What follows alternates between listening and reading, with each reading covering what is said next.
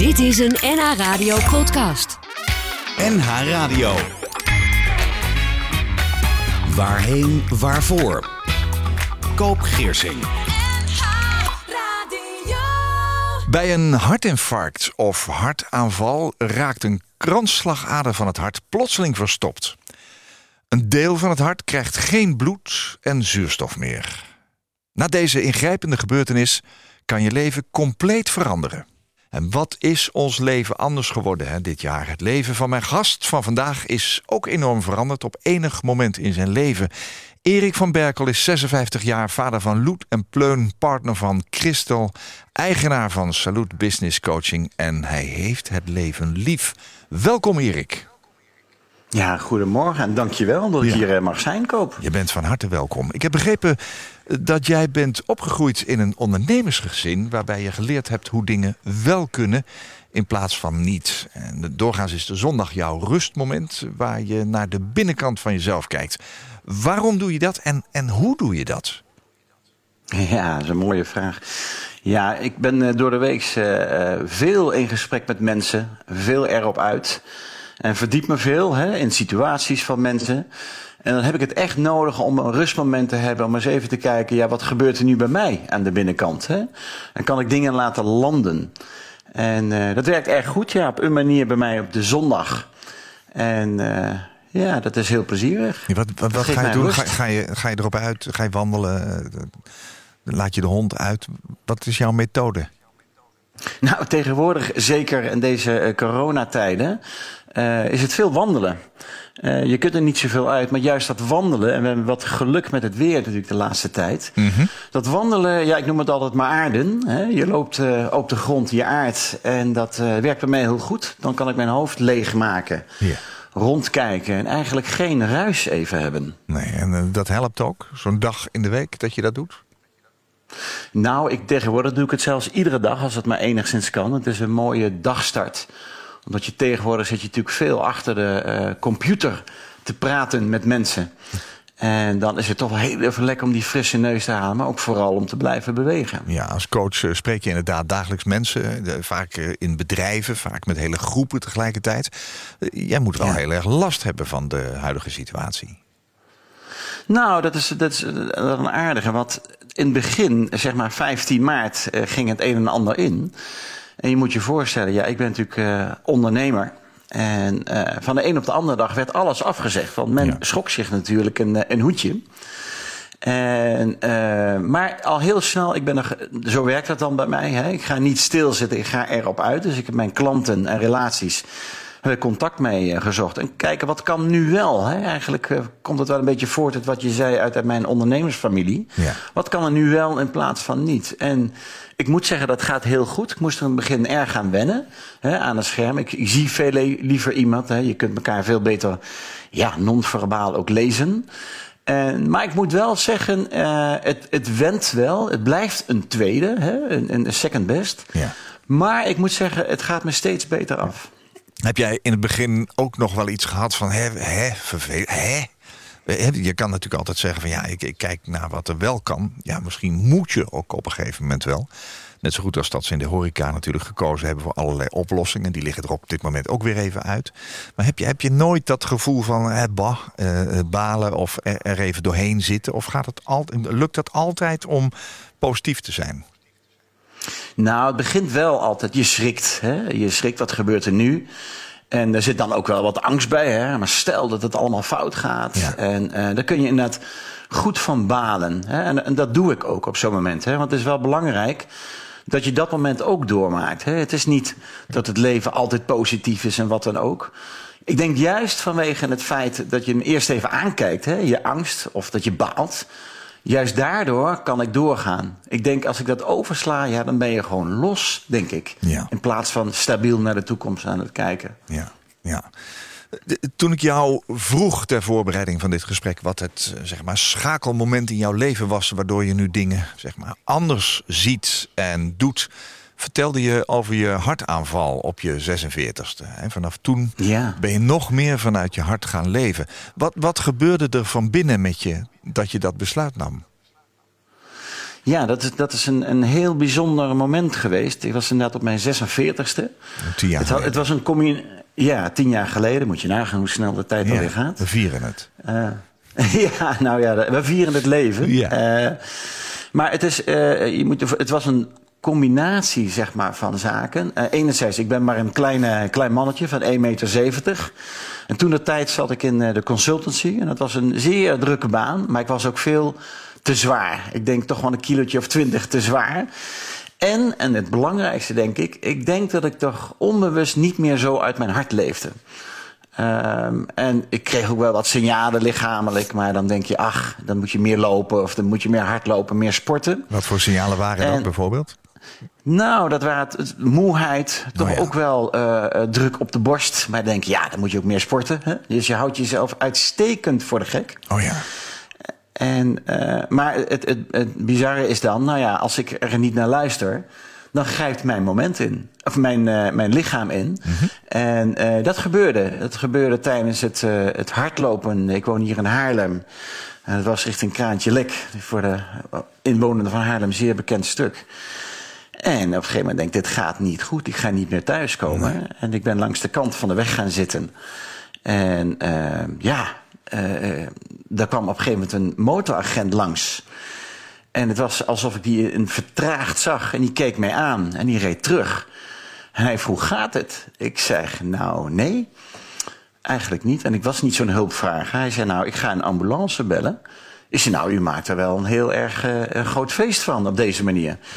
Nou, zei hij, u heeft mijn postuur en daar neem ik geen risico's mee. ja, ik had, Een man met humor. Ja. ja, nou dat was wel een belangrijke factor ook. Eh, En eh, op dat moment had ik waarschijnlijk zo weinig bloed in mijn hersenen... dat ik daar geen adequaat antwoord meer op Nee. kon eh, bedenken. Gelukkig maar. Nee, het ging gewoon heel slecht met je op dat moment. Ja, want het bleek altijd dat ik al blauwe lippen had en, en grijs was om te zien, maar dat Ja. zie je zelf niet. Ja, En eh, toen de ambulance kwam, eh, ja, ik had een heel erg goede verpleegkundige. Die, zei, die pakte mij nogal kordaat aan. Hij zei, eh, meneer Verberg, kunt u twee dingen doen. We kunnen of all the way gaan, of u gaat naar huis. En op een gegeven moment zei ik tegen hem, ik zei, nou, nu een naald in mijn arm doen. Want ik voelde het weer aankomen. En op dat moment waren mijn vaten nog groot genoeg open om een naald erin te doen. Ja.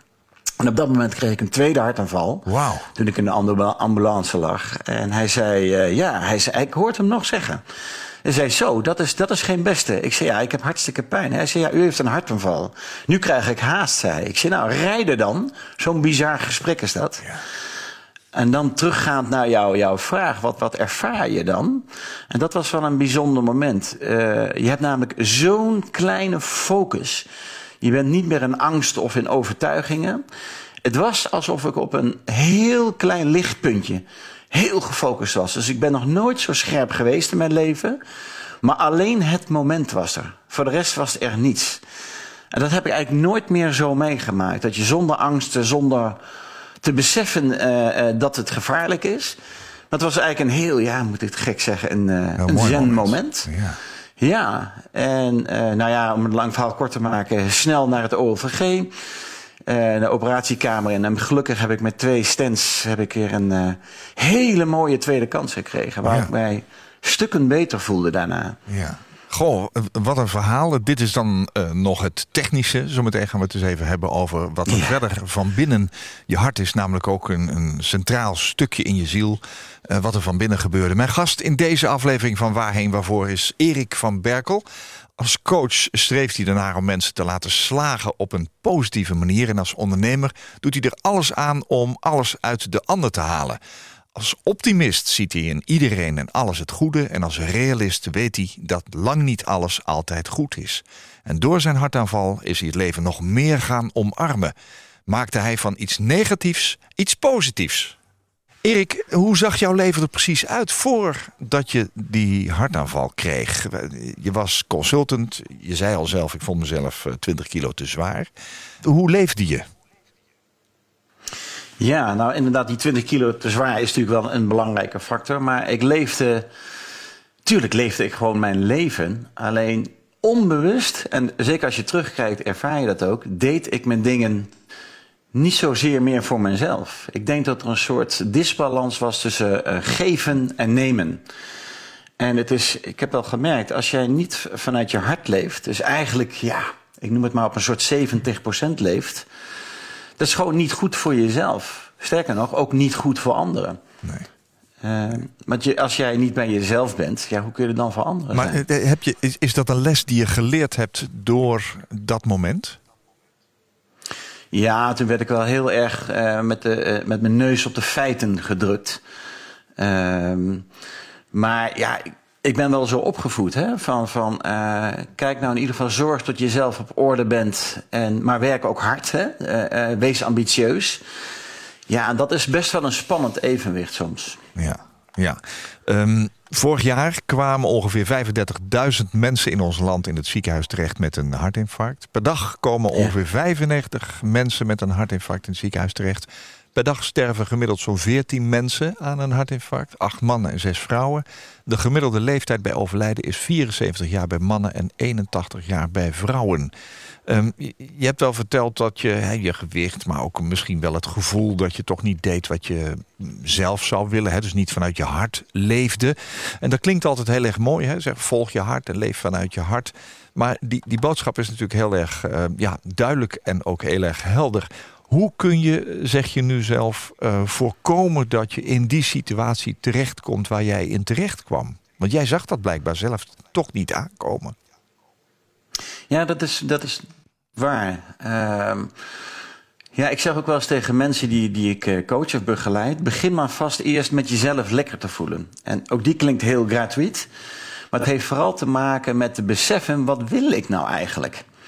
Als ik ook kijk in mijn uh, carrière... Hè, uh, en misschien is het bij, dat, ik hoor het bij meerdere mensen ook wel... vaak kom je door toeval op werkplekken... ga je je carrière volgen door promoties of vragen... Mensen vragen, goh, zou je hier willen werken? En, dat klinkt ook allemaal leuk. Maar voor je het weet, vergeet je jezelf daarin. En hoe kun je dat nou voorkomen? Nou, ik zeg maar ten dele, hè, maar het heeft altijd te maken... neem momenten voor jezelf om eens even te kijken, waar ben ik nu? Hè, in het moment zijn. Kijk eens terug en kijk eens naar voren. Is het nog steeds wat ik wil? En ik doe dat regelmatig. Is kijken van, klopt het nog? Uh, past het bij mij? Voel ik me goed hierbij? Maar ook de andere kant, en ik denk dat daar vroeger valkuil bij mij zat. Als ik me niet lekker voel, mag ik me ook even niet lekker voelen. En zeker als consultant, hè. consultants hebben toch wel vaak de gave om dingen die krom zijn recht te praten. Maar ik deed dat ook bij mijzelf. Dus in feite was ik niet helemaal eerlijk naar mezelf. En als je dat aangaat, en ik kan je zeggen, Koop, dat is niet altijd leuk. Hè, want je ziet, uh, ik zeg altijd maar zon en schaduw bij jezelf. Ja. Maar als dat er allemaal mag zijn, dat helpt. Ja. Dat helpt echt.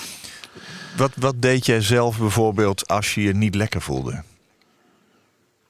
Nou, het, dan zal ik het zeggen. Ontevreden en, bijvoorbeeld. Of, of, of dat ja. je dacht, ja, nee, uh, ging, je dan, ging je dan eten of drinken? Of, of uh, hoe werkte dat bij jou? Nou, het heeft wel met compensatie inderdaad te maken. Wat voorheen uh, zorgde ik voor ruis. Ik ging of sporten of uh, ik, ik, was niet zo'n zo'n drinker. Ik hou van een mooi glas wijn, maar dat op zijn tijd. Mm -hmm. Maar een, een hapje eten, uh, snoepen. Zeker, ik reed toen heel erg veel auto. En ja, toen had ik ook snoep in de auto liggen. Oh ja, en dat ja. is best wel op korte termijn. En dat is heel bevredigend ja. in het begin. Hè? Dat is een soort beloning. Ik, ik rookte vroeger ook sigaartjes. En dan zei ik ook, het leven is goed. Dat was ook zo. Alleen dat kan ook op andere manier. Het heeft alles te maken met stemming creëren bij jezelf. Dat je je lekker voelt. En dat deed je ook. En dat deed ik, ja, en dat deed ik toen eigenlijk door ruis te creëren.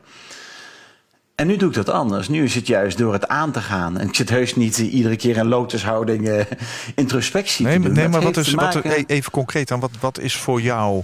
Uh, uh, die, die ruis kan, kan afleiding zijn, maar het kan ook zijn ontkennen van je gevoel. Maar wat is dan voor jou bijvoorbeeld het aangaan nu? Hè? Na die hartaanval ben je meer gaan leven zoals je eigenlijk in je hart voelt. Hè?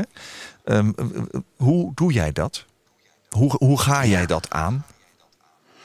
Dat heeft te maken met uh, eerst rust bij jezelf creëren. En uh, muziek is voor mij een hele belangrijke in mijn leven. En uh, dus ik, ik, ik, reguleer mijn stemming eerst door een bepaald stuk muziek op te zetten waar ik rustig van word. Oh ja. en, dan, en dan ga ik gewoon eens eerlijk met mezelf in gesprek. En ik zeg het altijd maar, je hebt zwart en wit. En zwart kan niet bestaan zonder wit en andersom. Maar kijk het nou eens aan en laat het nou maar eens naar boven komen. En dan een heel belangrijke voor mij, zonder het op te lossen. Het mag er gewoon zijn. En voorheen, en dat was natuurlijk ook mijn werk, dan loste ik altijd problemen op. Oh ja. Maar sommige dingen zijn, zijn niet eens een probleem. Maar laat het maar gewoon eens naar boven komen en je hoeft er helemaal niks mee. Dat is het geheim. En je, ja, en je loopt als het ware positief even leeg. Alsof je een ballon even leeg laat lopen. Oh ja. Ja. En ik vergelijk het altijd maar. Ik wil dat warme eh, soort open haardvuur in mijn buik hebben. En er zit af en toe zo'n noest in het hout. Hè, die hoor je zo pap, hoor je zo knappen. Oh ja. En dat is fijn. Dus een rust, maar dat wil, niet zeggen dat je inactief bent. Nee, sterker nog, als je die rust in je hebt, kun je juist heel actief zijn. Mhm. En dat werkt bij mij heel goed. Dus ik moet wel naar een rustpunt toe. Muziek is belangrijk voor jou. Ja. Dat komt even goed uit, want ik heb je ook gevraagd om eh, drie liedjes mee te nemen. Drie nummers.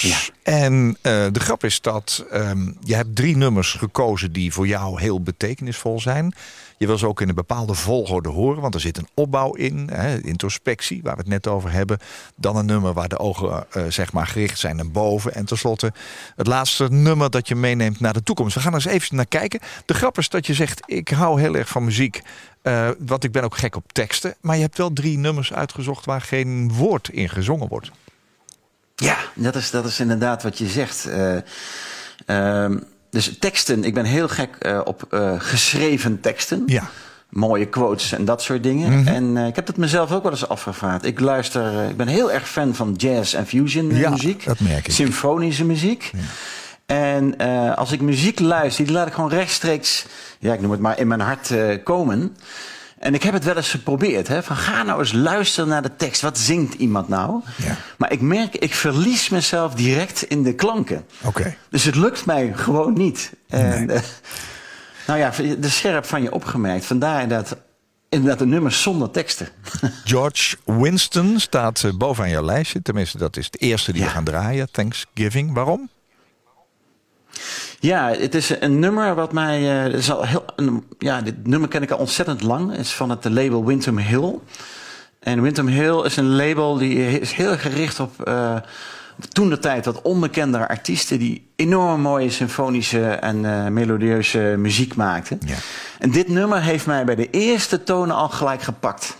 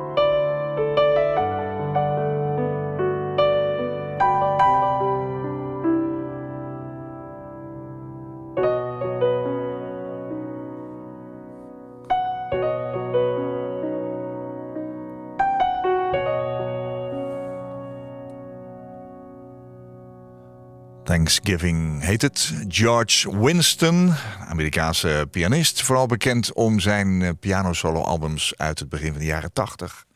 Hij betitelt zijn stijl als rural folk. Erik, hoe, heb jij, zoals ze dat wel zeggen, de dood in de ogen gekeken? Nou, ik kan wel zeggen recht in de ogen. Ehm, het, het, het, mooie is op, de, op, op dat moment, hè, de dood in de ogen was ten tijde van mijn hartaanval. Uh, ja, ik kan zeggen, het is bijna goed nieuws. Hè. Het was eigenlijk wel plezierig, prettig. Echt waar? Ja? Uh, ja, alleen het grappige is, dat realiseer je achteraf. Ja. Het is, uh, was je niet was, heel angstig op dat moment? Dacht je niet van, nou, nou ga ik? Ja, het, het, grappige is dat het niet zo is. Tenminste, het was bij mij niet zo. Je bent, je bent gewoon. En het was bijna zo, ach, welke kant het ook opgaat, het is goed. Het is oké. Okay. Ja.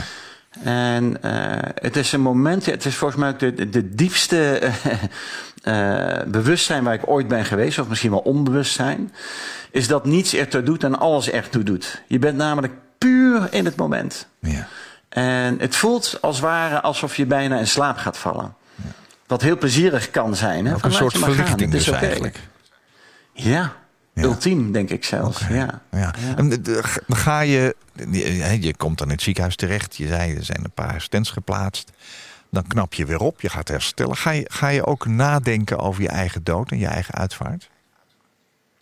Ja, zeker. Want uh, kijk, zo goed als ik mij op dat moment voelde, zo slecht voelde ik mij daarna.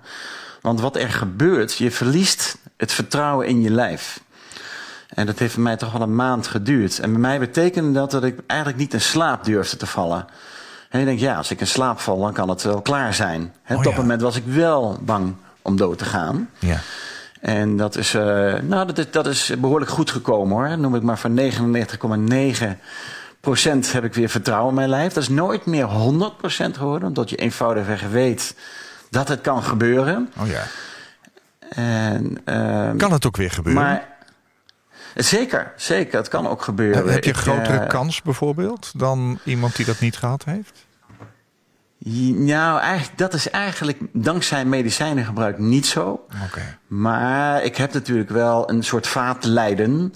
wat ik uh, onder controle houd. Maar uh, het, het, het idee is, ja, mijn vader is hier namelijk aan overleden. Mhm. Uh, die is, een, die is 59 jaar geworden. Oh, ja. Die had hetzelfde als ik, alleen hij stond op een berg. En daar is het toch een stuk lastiger voor een motoragent om langs te rijden. ja, hij kon niet geholpen worden op dat moment. Nee, en die is echt, uh, die is, ja, die is daar ter plekke overleden. En wat bleek, hij heeft een familiaire uh, afwijking op cholesterol. En die heb ik ook. Wist je dat Dus ik moet uh, achteraf of, of was dat al bekend? Dat was al wel bekend, dus ik slikte daar al medicijnen voor... om Mhm. dat cholesterolgehalte omlaag te krijgen. Ja. En uh, sterker nog, ik laat ook mijn kinderen en zo, die worden ook getest erin. Gelukkig tot nu toe uh, geen problemen. Oké. ja. Maar dat, kun je, dat is gewoon botte pech als je dat hebt. ja, dat is het wel, ja. Eh, Wanneer is het gebeurd, je vader? Hoe oud was jij toen? Toen was ik uh, 30. Dus dat is nu 26 jaar geleden. Ja. En het, het bizarre is, ja, dat, dat kan ik wel vertellen. Ik weet nog wel dat ik twee weken voordat mijn vader overleed, uh, droomde ik dat mijn vader zou overleden, overlijden in het buitenland. Echt waar? En, en ja, en ik, ik werd wakker en ik vertelde het uh, aan mijn partner, uh, Christel. Zei ik van, nou, zus en zo. Want anders zou ik later denken, nou, dat heb ik gewoon achteraf bedacht. En twee weken later ging de telefoon. En toen zei ik, mijn vader is overleden. Jeetje. En dat was zo. Ja, je wist het. Ja, dat is wel uh, ja, apart is dat. Ja, wat, en, deed, wat uh, deed zijn overlijden? Hoe heet je vader? Even dat we hem ook een naam geven.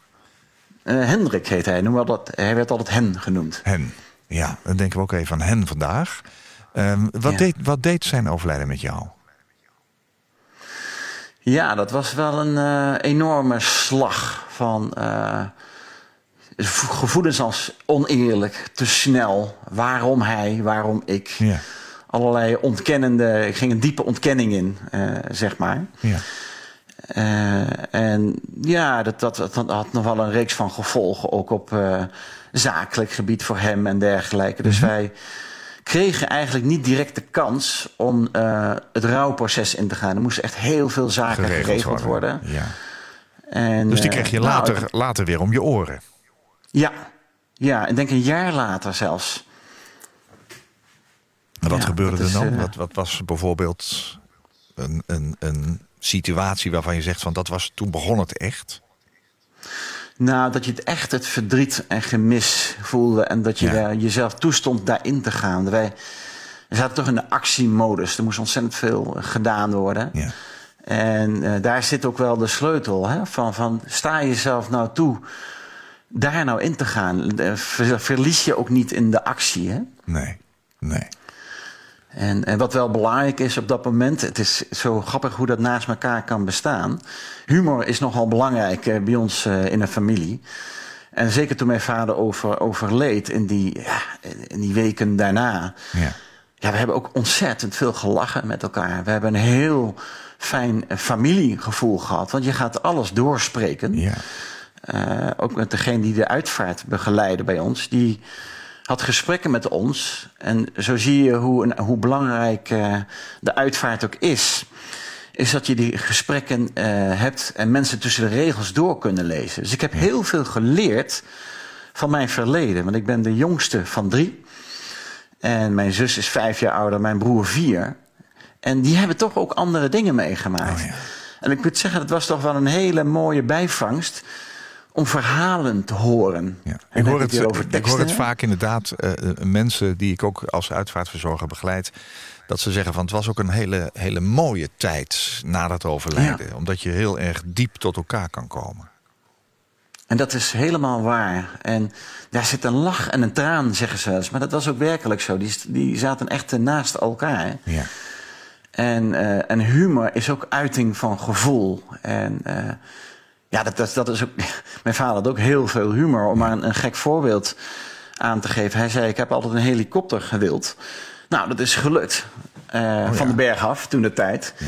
En wij, ja, ja, toch wel grappenderwijs. Ja, hij heeft- hij had wat duidelijker moeten zijn hoe hij dat wilde. Maar eh, nou ja, weet je, het, het, het relativeren is wel belangrijk. Zonder het kleiner te maken. Ja. En dat is wel een belangrijke relativering van bijvoorbeeld zo'n zo'n gebeurtenis, maar ook van jezelf. Ja. Hoe belangrijk ben ik nou eigenlijk? Denk je nog vaak in je vader? Ja, de laatste jaren weer veel. Hij is ook eventjes weg geweest. Ja. Dan ben ik mijn eigen stappen gaan maken. En eh, hij komt toch weer meer en meer terug. Eh, ik weet nog wel, eh, hij is gecremeerd. En toen de tijd is, nou ja, om, door allerlei omstandigheden, is zijn urn op een, eh, ja, een soort ja, graf is ervan gemaakt. Dat wilde hij liever niet, maar goed, dat, eh, om allerlei, door allerlei redenen is dat wel gebeurd. En jaren later eh, ben ik eens daar eens heen gegaan met mijn gezin. En het was eigenlijk op het moment dat je zegt, nou wat een raar moment. Dat was ongeveer half zes in dit jaargetijde. Nou, dat is het vrij schemerig tot donker. Ja, redelijk donker, ja. Maar ik voelde dat ik daarheen moest. En toen ik daar aankwam, hij had een soort tuintje zat er omheen. En die was helemaal eh, verwilderd. En hij was nogal een fan van nette tuinen. En ik haalde zo het heggetje erboven weg. En daar lag een bordje op. En er stond op, eh, adres onbekend, gaarne contact opnemen met administratie. En dat is wel bijzonder. En ik moet eerlijk zeggen, ik was er al drie jaar niet geweest. Zoals hij ook voorspelde. Maar dat had ook iets moois, want ik, eh, we hebben, de urn hebben wij eh, een paar maanden later mee mogen krijgen. En die heeft een paar jaar bij ons in de tuin gestaan. Dat klinkt wat luguber, maar was heel mooi. Hij was even terug bij ons. En op een dag voelde ik, en nu is het mooi geweest. Toen ben ik met mijn broer en zus in gesprek gegaan. Ik zei, hoe mooi zou het zijn als wij zijn as uitstrooien op een plek die hij heel mooi vond. En ik wist precies waar die plek moest zijn. En ik was daar nog nooit geweest. En dat was in de, in de Waalkade in Nijmegen. En eh, op een plekje die heel dicht bij de Waalbrug was. En ik wist toen we daarheen liepen, daar is het. En ik was er nooit geweest. En dat was heel mooi. Toen we dat deden, was het cirkeltje rond.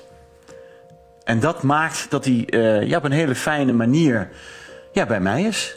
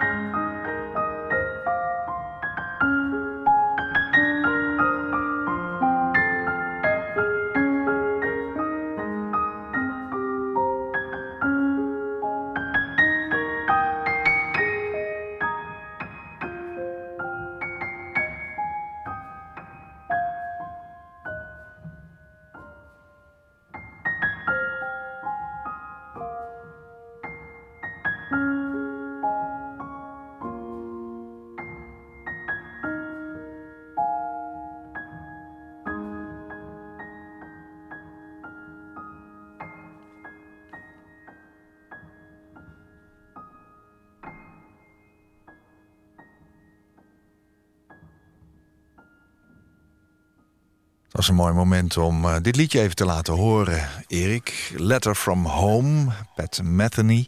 Waarom stond dit liedje op jouw drie liedjes... die je eventueel op je eigen uitvaart zou willen laten horen? We hebben al uh, geluisterd naar Thanksgiving van George Winston.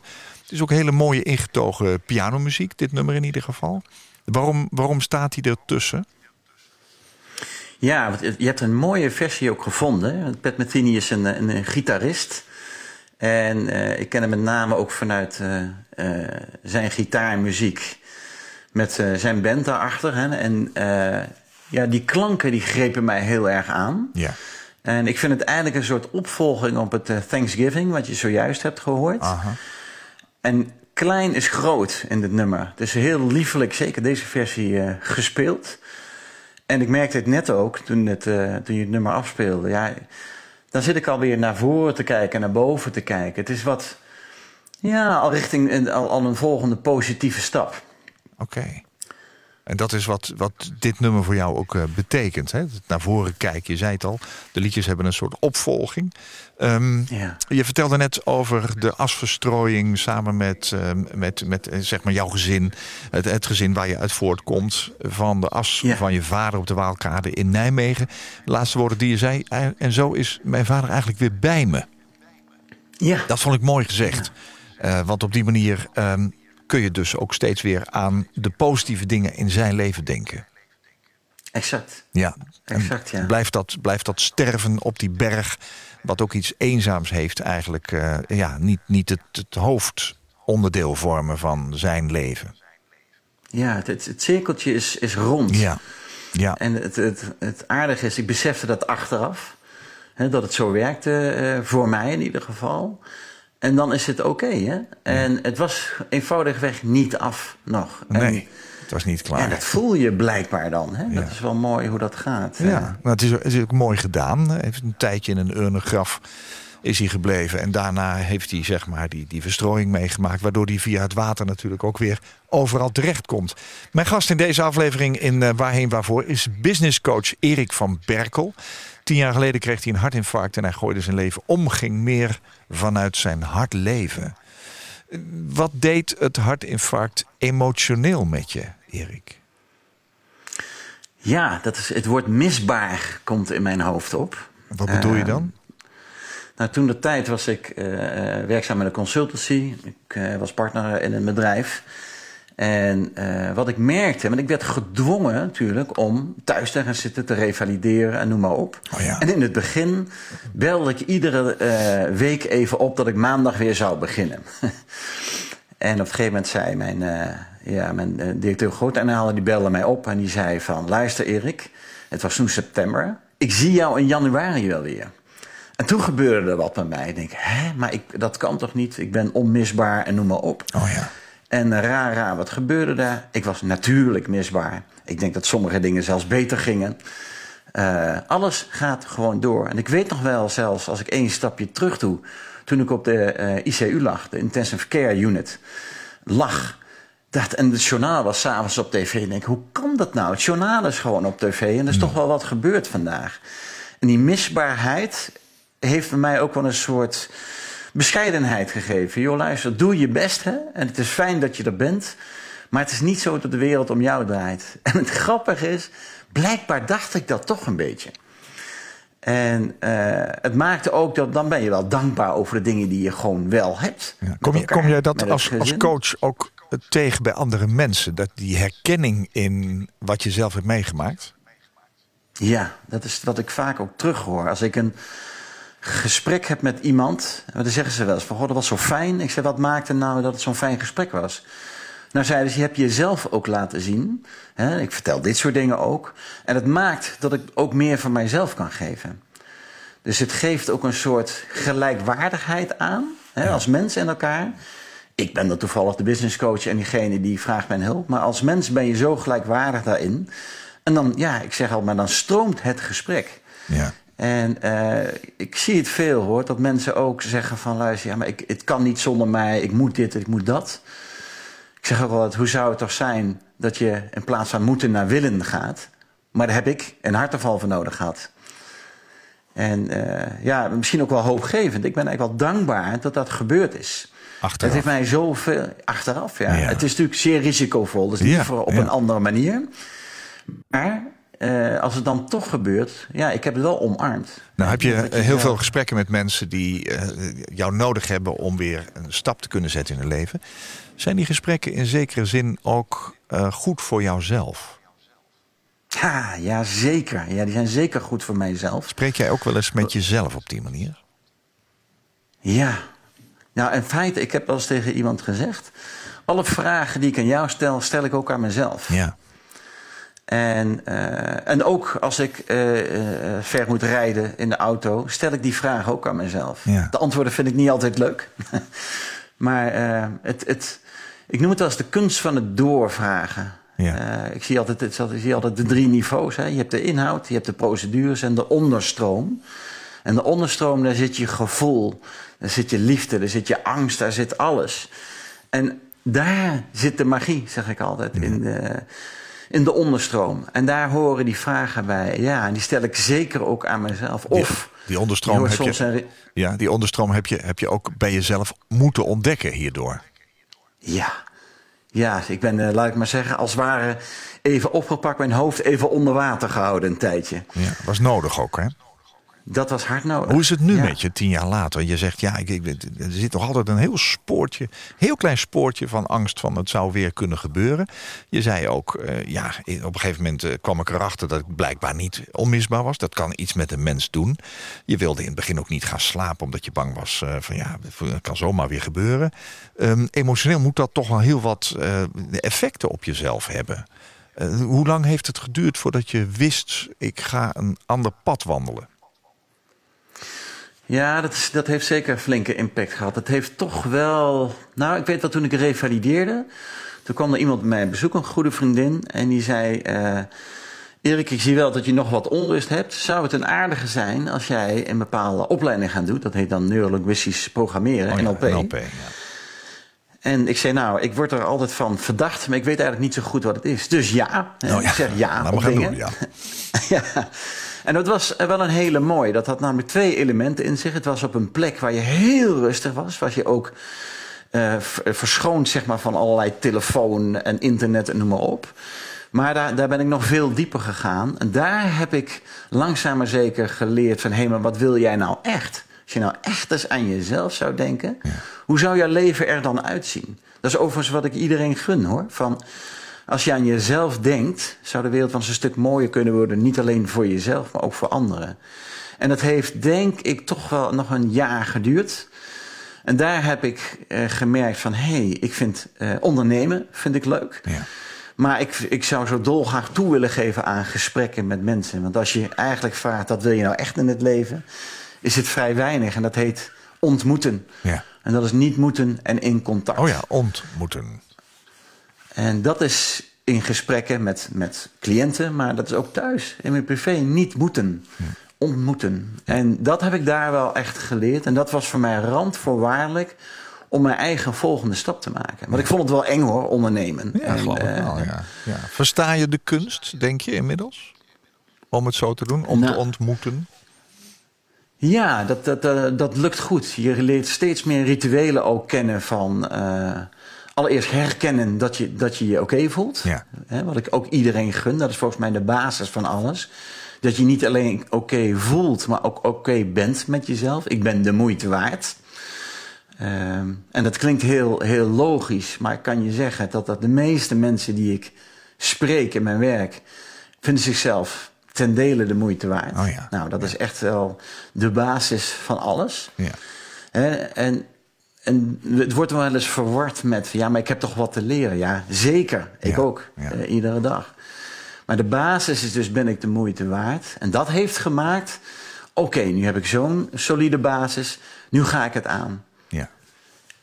En, En, dat je doe ik bent, nu zeven, nou, denk ik zeven jaar. ja, ja. En het gaat heel goed met je. Gezond. Ja.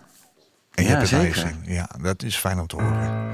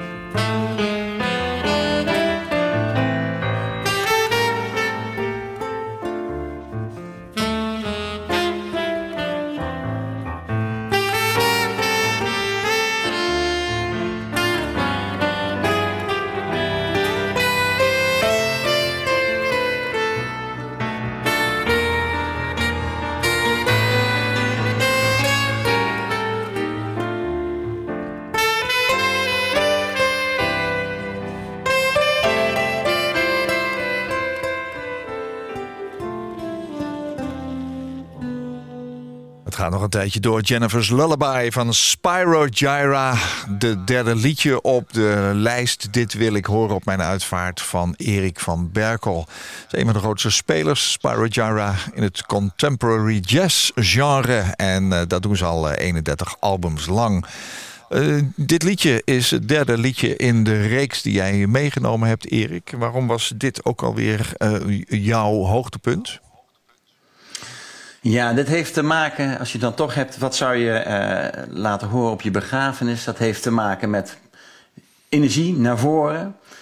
En brengt me eigenlijk ook op, uh, ja, de toekomst. Als mensen weggaan, dan ben ik weliswaar stoffelijk niet meer aanwezig. Maar in spirit wel. Ja, dat oh ja. gevoel geeft dat nummer mij. Ja, dat is mooi. Goh. Tien jaar geleden kreeg je een hartaanval. Je hebt je leven omgegooid. Je bent meer aan jezelf gaan denken. En daarmee kun je ook weer andere mensen helpen. Um, wat heb je uiteindelijk geleerd in het leven, zou je kunnen zeggen, van dat moment en hoe pas je dat op dit moment toe? Ja, dat heeft mij de basisovertuiging gebruikt. Dus dat mensen tot ongelofelijke dingen in staat zijn. Ja. The good and the bad. Ja, dat is mooi. Dat is een mooi slot van deze uitzending, dit gesprek. Mijn gast in deze aflevering van Waarheen Waarvoor was Erik van Berkel. Als coach streeft hij ernaar om mensen te laten slagen op een positieve manier. Met zijn eigen ervaring, zijn hartaanval tien jaar geleden... is hij het leven nog meer gaan omarmen. En hij kan andere mensen helpen. Maakt van iets negatiefs iets positiefs. Ik vond het fijn dat je erbij was, Erik, vandaag. En uh, vond ook fijn dat je je verhaal zo verteld hebt. Fijn dat ik er mocht zijn en heel graag gedaan. Dankjewel. Alle goeds vandaag. Koop Geersing. Als jij een keer te gast wilt zijn in Waarheen Waarvoor... om te vertellen over jouw levensreis, laat me dat dan weten... via waarheenwaarvoor.nhradio.nl waarheenwaarvoor.nhradio.nl Dit was een NH Radio podcast. Voor meer, ga naar nhradio.nl NH Radio